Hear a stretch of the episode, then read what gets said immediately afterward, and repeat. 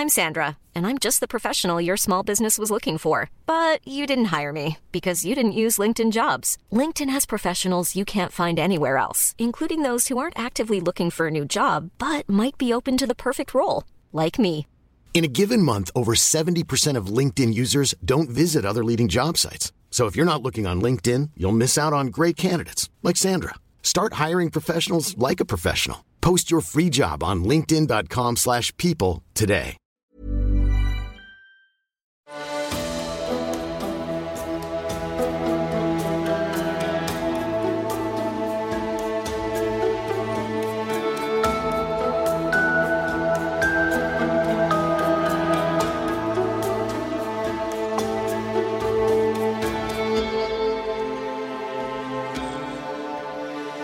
Velkommen til Seriemorderpodden, podkasten dedikert til seriemordere. Hvem de var, hva de gjorde og hvordan. Jeg er din ydmyke vert, Thomas Rosland Wiborg Tune, og i kveld fortsetter vi vår ferd sammen med Jeffrey Dahmer på hans vei inn i absolutt mørke og fordervelse. Forrige episode tok vi for oss Jeffs oppvekst frem til tenårene og hans første mord. Vi jobber kronologisk, og denne episoden starter derfor på slutten av 70-tallets USA. Jeff, som han foretrakk å bli kalt, er akkurat ferdig med å rydde opp etter seg så godt han kan i påvente av sin fars hjemkomst.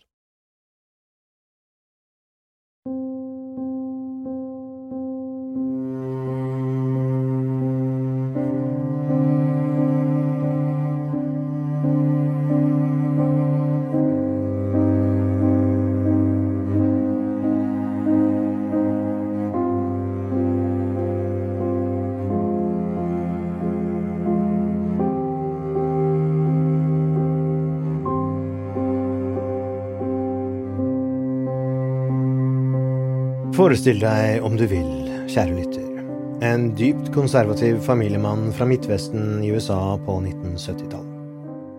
For ham var rock'n'roll syndig bråkmusikk, alkohol noe som var forbeholdt godt voksne, og da i sterk moderasjon, og hvordan man så ut for omverdenen var en kilde til personlig stolthet. For Lionel Damer var nypressede skjorter, slips og kakebukser daglig kleskode. Håret var aldri langt, og gredd i en pen sideskill. Han satte sin stolthet i å alltid være nybarbert, og likte å ha det ryddig rundt seg. Så, kjære lytter, du kan se for deg hva han syntes om sin sønn da han en sensommerdag i 1978 kom hjem igjen etter å ha tilbrakt tid med sin nye kjæreste etter en separasjon fra sin kone. Hans sønn Jeffrey hadde vært hjemme alene hele sommeren. Da Lionel gikk inn døren, ble han møtt av en stank av innestengt luft, gammel mat og søppel. På gulvet, på bordene og på kjøkkenet var det flust av tomme spritflasker og ølbokser. Matrester lå i kjøkkenvasken, og i kjøleskapet var det matvarer som for lengst hadde gått ut på dato. Gardinene var for det meste trukket for, og huset så overhodet ikke ut som han hadde forventet. Jeffrey sto midt i gangen og smilte sjenert til sin far og sa velkommen hjem, pappa. Lionel viste svært sjelden følelser, og selv om han var rasende over hvor lite hans sønn respekterte huset han hadde kjøpt til familien sin, ga han likevel sin sønn et kort håndtrykk.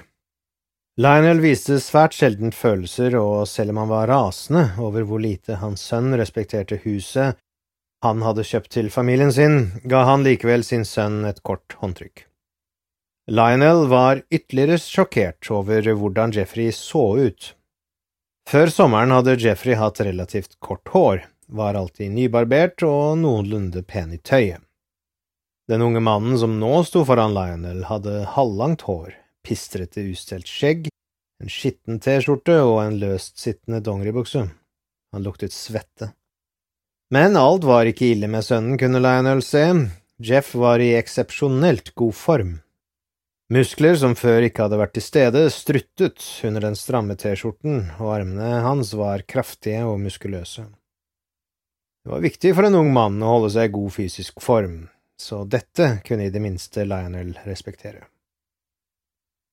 Etter å ha irettesatt Jeffrey grundig, hva gjaldt husets generelle tilstand, og sørget for at Jeffrey ryddet skikkelig etter seg, satt Lionel seg ned med sønnen og spurte hva i all verden han hadde tenkt å gjøre med livet sitt.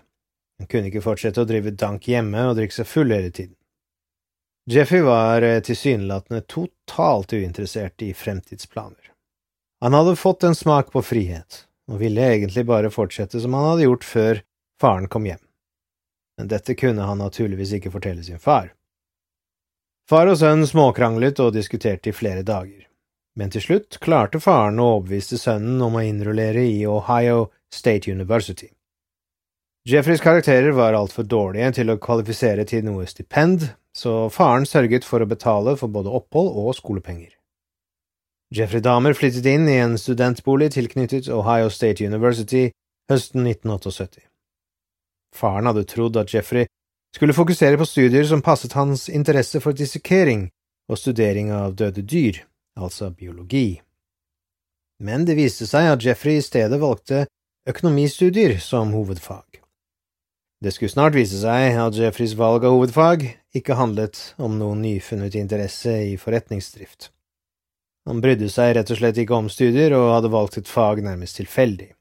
Det eneste han brukte dagene ved universitetet på, var dagdrømming om mord, voldtekt og tortur.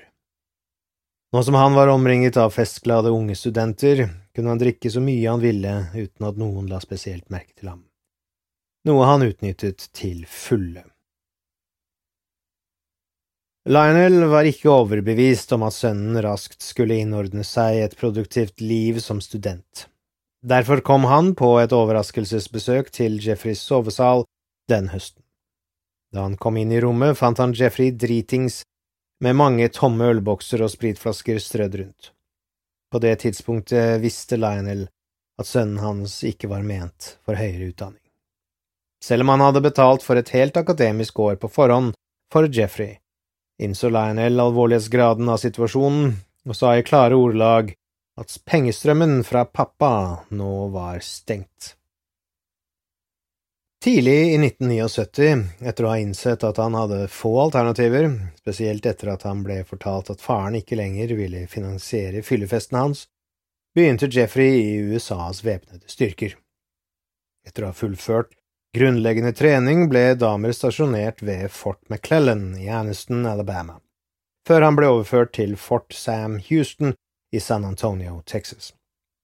Det opprinnelige valget hans var å bli militærpolitimann men han ble sendt inn i sanitetsprogrammet i stedet. Damers tidlige tjenesterulleblad var over gjennomsnittet. Kommandantene hans ga ham gode skussmål, og han kom godt overens med de fleste av sine jevnaldrende. Selv om han fortsatte å være en enstøing og sjelden ble med sine medsoldater ut på byen, gjorde Damer forsøk på å passe inn i løpet av de første dagene i hæren. Etter alt å dømme var han til hjelp for både vervede menn og offiserer, og han var aldri involvert i konflikter med andre soldater. Den tunge drikkingen hans ble også midlertidig kraftig redusert.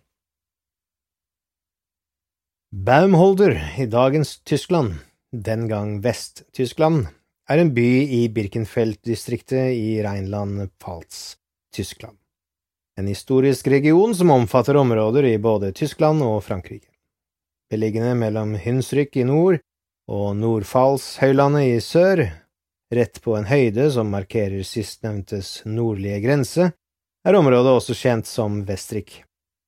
Bamholder ligger omtrent ti kilometer sør for Idar Oberstein. Naturen rundt Bamholder er preget av mange enger, åkre og skog. Den amerikanske hæren bygde opp troppetreningsbase her fra 1951 til å bli en av sine største garnisoner i Tyskland. Dette brakte Baumholder et betydelig oppsving i økonomien på 1950-tallet. Barer åpnet, det samme gjorde dansehaller og musikkhaller. Det var hit den amerikanske hæren valgte å utstasjonere unge Jeffrey Dahmer i juli 1979. Etter at Damer flyttet til Bamholder, begynte de gamle demonene å ta tak i ham igjen. Mens han var stasjonert der, begynte Damer å drikke mye og vendte tilbake til sin misantropiske livsstil. Hans eh, tjenesterulleblad var ikke lenger plettfritt, og han fikk et dårlig rykte på seg. Det er også bevis på at damer begynte å hengi seg til sine forskrudde fantasier mens han var i hæren. Og dette, kjære lytter, er kanskje noe av det mest interessante med tilfellet damer. Spesifikt snakker vi om fem mord begått i området rundt Bamholder i perioden damer oppholdt seg der. Jeg liker ikke å spekulere for meget på denne podkasten, men eh, ut ifra tilgjengelig informasjon tviler jeg på at damer hadde noe å gjøre med fire av de fem mordene. Grunnen er enkel. Fire av mordofrene var kvinner, og damer har aldri vært mistenkt for å drepe kvinner. Disse fire drapene var også svært ulike damers modus operandi. Der damer vanligvis fanget sine ofre ved hjelp av list og sjarm for deretter å plutselig angripe, eller ved å forgifte, var disse kvinnene tilsynelatende ofre for en mer, i anførselstegn, ordinær seriemorder. De ble funnet i skogen, hadde vært utsatt for seksuelle overgrep og stukket i hjel med kniv. Det siste uoppklarte mordet i Bamholder, derimot, er interessant. Her ble det funnet et mannslik som var blitt seksuelt misbrukt og lemlestet. Offeret var en ung mann, og det finnes ekstremt lite informasjon om dette på nett. Hvis noen av mine kjære lyttere klarer å finne ut av mer informasjon rundt mordene i Bamholder, send meg gjerne en melding på patrion.com slash The Serial Killer Podcast. Livet i militæret er langt mer preget av fellesskap enn livet i det sivile samfunnet. De fleste vervede soldater bor i brakker på basen, som ofte ligner collegehybler i stedet for leiligheter. De nære boforholdene fører noen ganger til problemer, men de er ofte ikke annet enn konflikter om snorking, hygiene eller skikkelig rengjøring. De fleste soldatene på basen måtte stort sett aldri sove i samme rom som Jeffrey Dahmer. Det kan være en grunn til dette som er mørkere enn at damer fikk et tilfeldig privilegium. De siste årene har det amerikanske militæret slått mer ned på det lite omtalte fenomenet mann mot mann voldtekt innenfor sine rekker. I flere tiår var mannlige soldater som ble utsatt for voldtekt, enten for skamfulle til å stå frem med, eller rapportene deres ble ignorert eller forkastet av befal. De nylige undersøkelsene av seksuelle overgrep og trakassering av menn i militæret har avslørt at Damers avkjølingsperiode etter hans første drap i Ohio kan ha involvert en rekke voldtekter han begikk mens han var i hæren. Billy Joel Capshaw, en mann fra Arkansas, var ung og naiv da han begynte i hæren.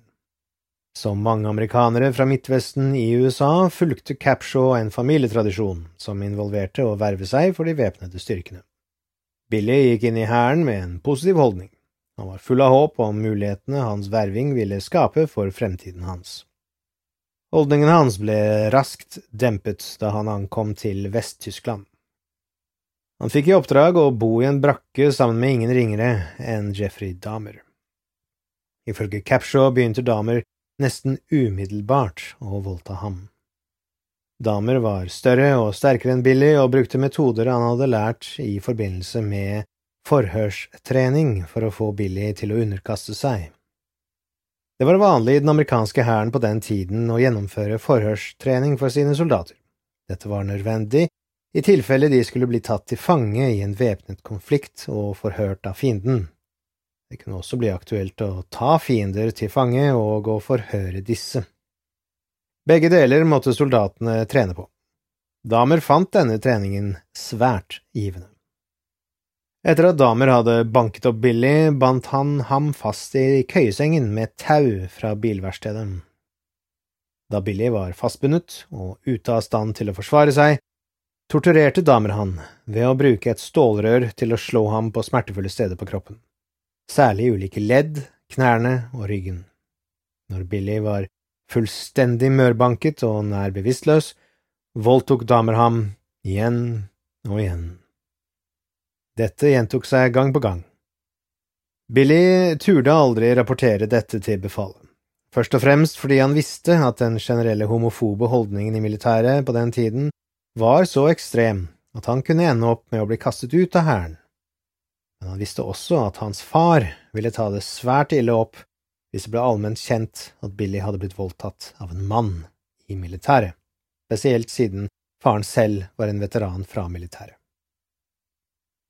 Men det var ikke bare Billy som led under Damers skrekkregime.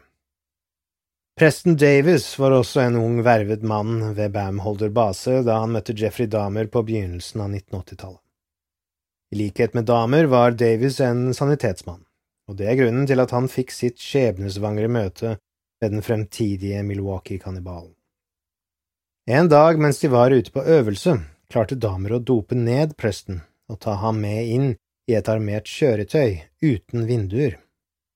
Presten var eh, så å si bevisstløs mens damer voldtok ham, så han har aldri klart å gjenfortelle nøyaktig hva slags grusomheter damer utsatte ham for, bortsett fra anal voldtekt. I motsetning til Billy rapporterte presten hendelsen til befalet. Hendelsen ble ignorert og ble aldri oppført på damers militære rulleblad. Til tross for at han unngikk rettsforfølgelse for basevoldtektene, og muligens ett eller flere uløste drap rundt militærbasen hans, innhentet Damers demoner ham raskt i Vest-Tyskland. Han begynte å drikke like mye som han gjorde før han gikk inn i hæren, og jobbprestasjonene hans falt raskt. Etter en rekke advarsler og irettesettelser dimitterte hæren menig Jeffrey Lionel Damer i mars 1981 for brudd på retningslinjene angående narkotika og alkoholmisbruk. Damer ble hederlig dimittert og fikk en enveisbillett til hvor som helst i USA han kunne ønske. Hey, it's Ryan Reynolds, and I'm here with Keith, co star of my upcoming film, If, only in theaters, May 17th. Do you want to tell people the big news?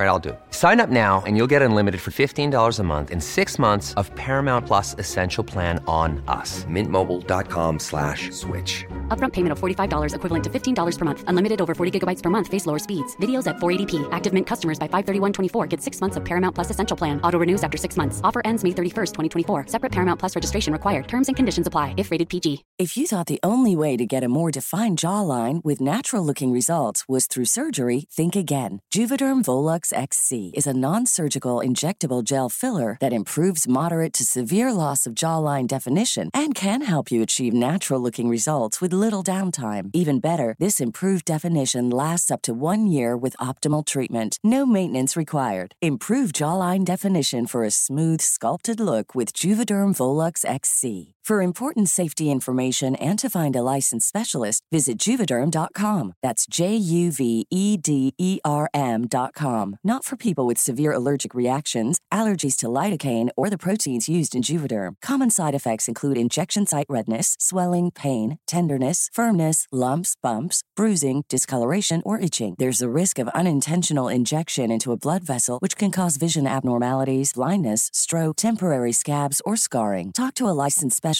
to find out if it's right for you.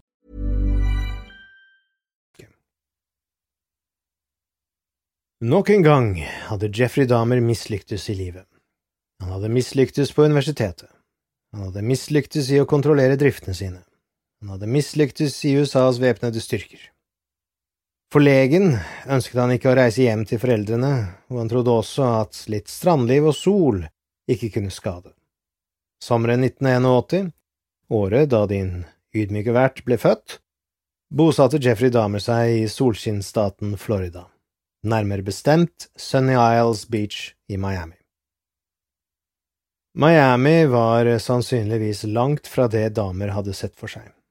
På den tiden var Miami Beach-området, både nord- og sørenden, for det meste nedslitt og fullt av aldershjem der beboerne hadde lav inntekt.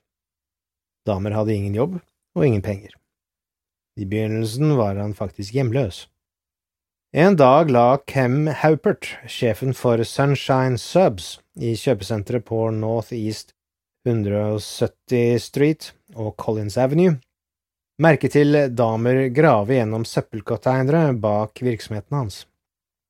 Haupert inviterte ham inn for en matbit, og fikk vite om damers nylige utskrivning fra militæret. Han tilbød damer en jobb, og gav ham et rom på det nærliggende Bimini Motel. Dette motellet fins, utrolig nok, den dag i dag. Nøyaktig adresse er 1600 eh, Ocean Drive, Hollywood, Florida, USA. Motellet ser, ut ifra bildene på nettet, ikke ut til å ha endret seg særlig mye fra tidlig åttitall. Fasaden er gulbeige og mørkebrun. Bygningen er en toetasjes firkantet blokk. Det ser ikke ut som området motellet ligger i er særlig attraktivt, da omkringliggende bygninger ser nedslitt ut. Motellet tilbyr dog utsikt mot kanalen som leder ut mot havet, og rommene ser rene og pene ut. Halpert oppdaget raskt at å ha damer som ansatt bød på mange problemer. Han kom ofte på jobb og så veldig forpjusket ut, og noen ganger til og med full.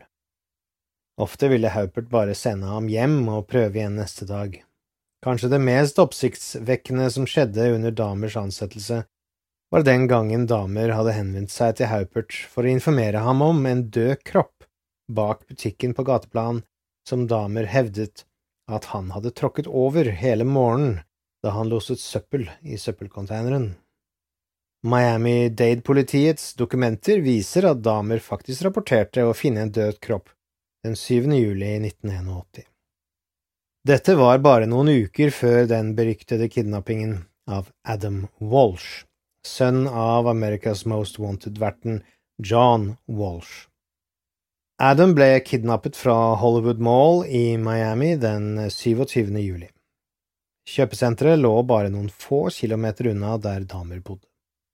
For noen år siden avsluttet Hollywood-politiet saken og hevdet at Jacksonville-seriemorderen Otis Toole, som allerede hadde dødd i fengselet i 1996, var mannen bak kidnappingen og mordet på lille Adam. Otis Tool, som jeg skal ta for meg i en egen lengre serie med episoder på et senere tidspunkt, er en svært berømt påstått seriemorder. Jeg sier påstått ettersom Tool også er avdekket å være en av de mest ekstreme tilfellene av en mytoman vi kjenner til. Et annet ord for mytoman er lystløgner. Tool hevdet han drepte hundrevis av ofre. Sannsynligheten for dette er eh, ekstremt lav, og det er mange elementer i hans sak som støtter opp om teorien som tilsier at Tool kun drepte én eller to mennesker, kanskje ingen mennesker i det hele tatt. Lille Adam Walsh ble kidnappet og kvalt til døde før morderen kuttet av hodet hans. Kroppen til Adam er aldri funnet, så man vet ikke om gutten ble utsatt for seksuelle overgrep. Det å kidnappe og lemleste lik var overhodet ikke noe Otis Toole beviselig var. En som derimot absolutt er kjent for dette, og som bodde rett i nærheten av der seksårige Adam ble kidnappet, var Jeffrey Dahmer. I tillegg vet vi at mange vitner rapporterte at Adam ble kidnappet av noen i en blå varebil. Sunshine Subs, Dahmers arbeidsgiver, eide en blå varebil som ansatte regelmessig hadde tilgang til, som forsvant i flere dager i strekk i perioden Adam forsvant. Ytterligere styrking av mistanken mot damer er hva som skjedde nøyaktig to uker før Walsh ble kidnappet. En ung gutt ved navn Terry Keaton hadde spilt på et Atari arkadespill, veldig likt det som Adam Walsh hadde spilt på i Sears kjøpesenteret i Twin City Mall i North Palm Beach. En mann forsøkte å kidnappe ham. Terry kom seg unna, men ikke uten å lage mye bråk i butikken. Kidnapperen kom seg også unna, men flere personer så godt på ham, nok til at politiet i North Palm Beach kunne publisere en politiskisse som i skremmende grad lignet på hvordan damer ville sett ut på den tiden.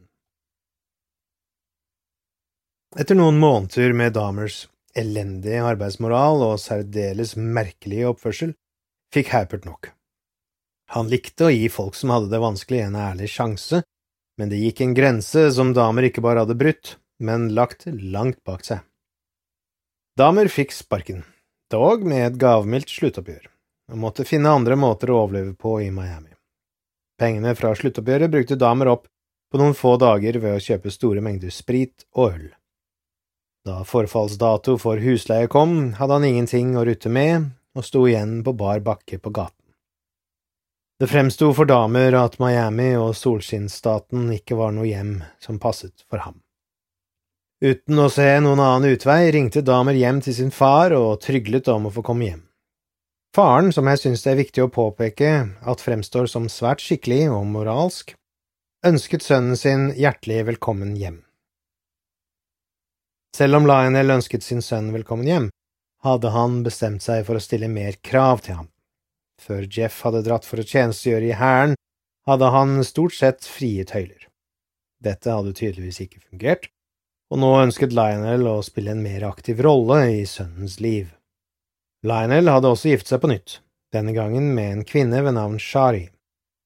Verken hun eller Lionel var klar over dybden av Jeffreys drikkeproblem. Lionel visste at sønnen hans hadde en tendens til å drikke overstadig, og han sa bestemt til Jeff at overdreven drikking ikke ville bli tolerert. Jeffrey ble også forventet å finne en jobb og å hjelpe til i huset. De første par månedene tilbake i Ohio så ut til å gå bra. Jeffs drikking var på et minimum. Han var nesten hver dag på jobbjakt, og han hjalp til med husarbeid. Så raste fasaden sammen. Lionel fant snart ut at Jeff faktisk brukte dagene på å drikke i parker eller barer i steder for å søke på jobb. Enda verre, Jeff løy til faren om drikkingen. Lionel og kona oppdaget etter hvert Jeffreys store lager med sprit, og da de konfronterte ham, lovet Jeffrey å bli kvitt alt sammen.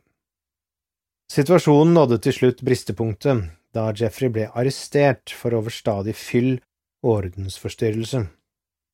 Situasjonen innebar at damer vandret dritings rundt i byen og trakasserte folk. Da politiet kom, konfronterte de damer, men han ga ingen forklaring på sin oppførsel. Konstabelen brakte Jeffrey direkte til fyllearresten. Lionel visste ikke sin arme råd. Han følte han hadde prøvd ut alt uten at noe så ut til å bite på Jeff. Som en siste utvei sendte Lionel sønnen for å bo hos sin bestemor i en forstad til Milwaukee i desember 1981. Catherine Jemima Hughes var damers bestemor. Hun ble født i 1902 i Brigham, Iowa, og var en av syv søsken. Hun giftet seg med Herbert Walter Damer i 1933 i Milwaukee, Wisconsin. Paret skulle fortsette å få to barn, en sønn Lionel, som var Damers far, og en datter Eunice. Jeffrey valgte et rom i annen etasje i bestemorens hus, hvor han fortsatte å drikke mye. Bestemoren hans så til å se den andre veien på de fleste av hans indiskresjoner. Jeff spilte rollen som et godt barnebarn ved å hjelpe til rundt i huset og følge med bestemoren til kirken. Da damer ikke klippet plenen eller dro til kirken med bestemoren sin, lette han faktisk etter jobb. Jobbsøkingen hans ga til slutt resultater da han fikk en stilling som flebotomist ved Milwaukee Blood Plasma Center. En flebotomist er en som tar blodprøver på pasienter. I Norge krever som kjent dette sykepleierutdannelse, men ikke i USA. Damer fikk jobben først og fremst på grunn av sin militære erfaring som sanitetsmann. Damer trivdes i stillingen og det daglige synet av menneskeblod opphisset ham. Det er rykter om at damer utnyttet stillingen til å drikke blod, men dette finnes det ikke konkrete bevis på. Han har i senere intervjuer hevdet at han tok et fingerbøl med blod og drakk det, men at han spyttet det ut da det smakte beskt. Om dette faktisk er tilfellet, eller om han som svært mange andre psykopater løy for å få oppmerksomhet, vites ikke. Det vi vet, er at stillingen hans ble definert som overtallig etter ti måneder, og han var igjen uten jobb. Damer forble arbeidsledig i to år, til han ble ansatt for å jobbe det tredje skiftet på Ambrosia sjokoladefabrikk. Milwaukee er kjent for å være en festivalby, spesielt om sommeren. Mange av festivalene har etniske trekk på grunn av byens rike tyske og polske kulturarv, hvor store mengder øl konsumeres og lydene av polkamusikk fyller luften. Sommerens siste festival er Wisconsin State Fair, som har funnet sted i West Alice, like nede i gaten fra Jeffrey Dahmers bestemors hjem, siden 1892. Hundretusenvis av mennesker deltar på festivalen hvert år, og til tross for mengder med billig øl og varme temperaturer, holder kriminelle seg stort sett unna. Slagsmål og småtyverier er de vanligste kriminelle handlingene på festivalen, men noen ganger er det også seksuelle overgrep. Den 7. august 1982 opplevde Jeffrey Dahmer sin første arrestasjon som følge av sexkriminalitet.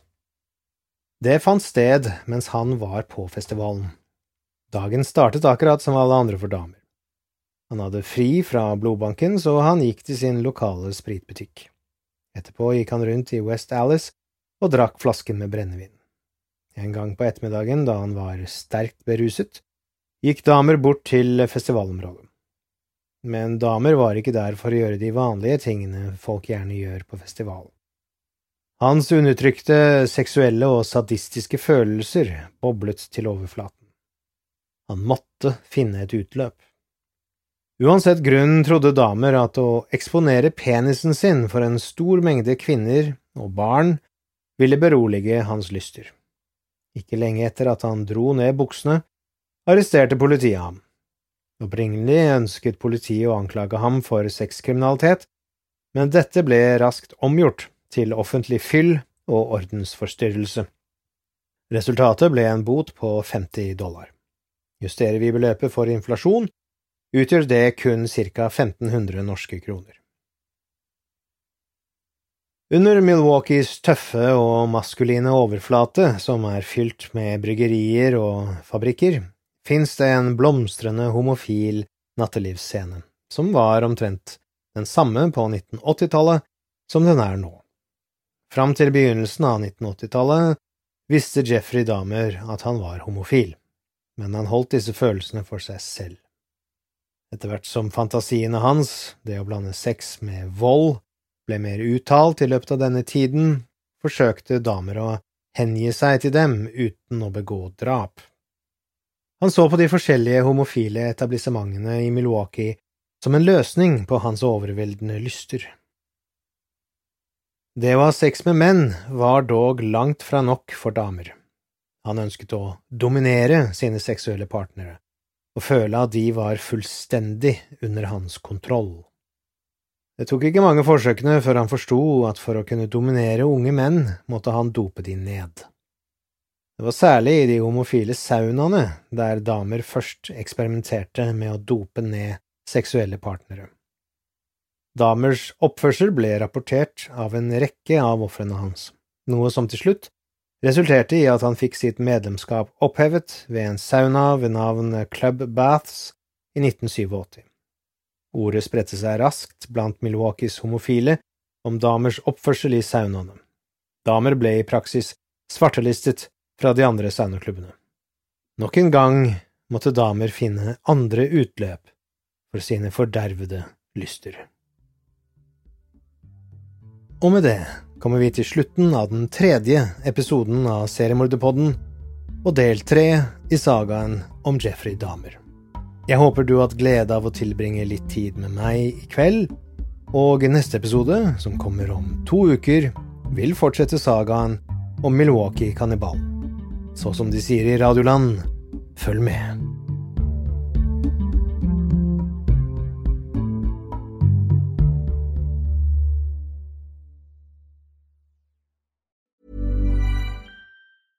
Hey, it's Paige DeSorbo from Giggly Squad. High quality fashion without the price tag. Say hello to Quince. I'm snagging high-end essentials like cozy cashmere sweaters, sleek leather jackets, fine jewelry, and so much more. With Quince being 50 to 80% less than similar brands. And they partner with factories that prioritize safe, ethical, and responsible manufacturing. I love that. Luxury quality within reach. Go to quince.com slash style to get free shipping and 365 day returns on your next order. Quince.com slash style.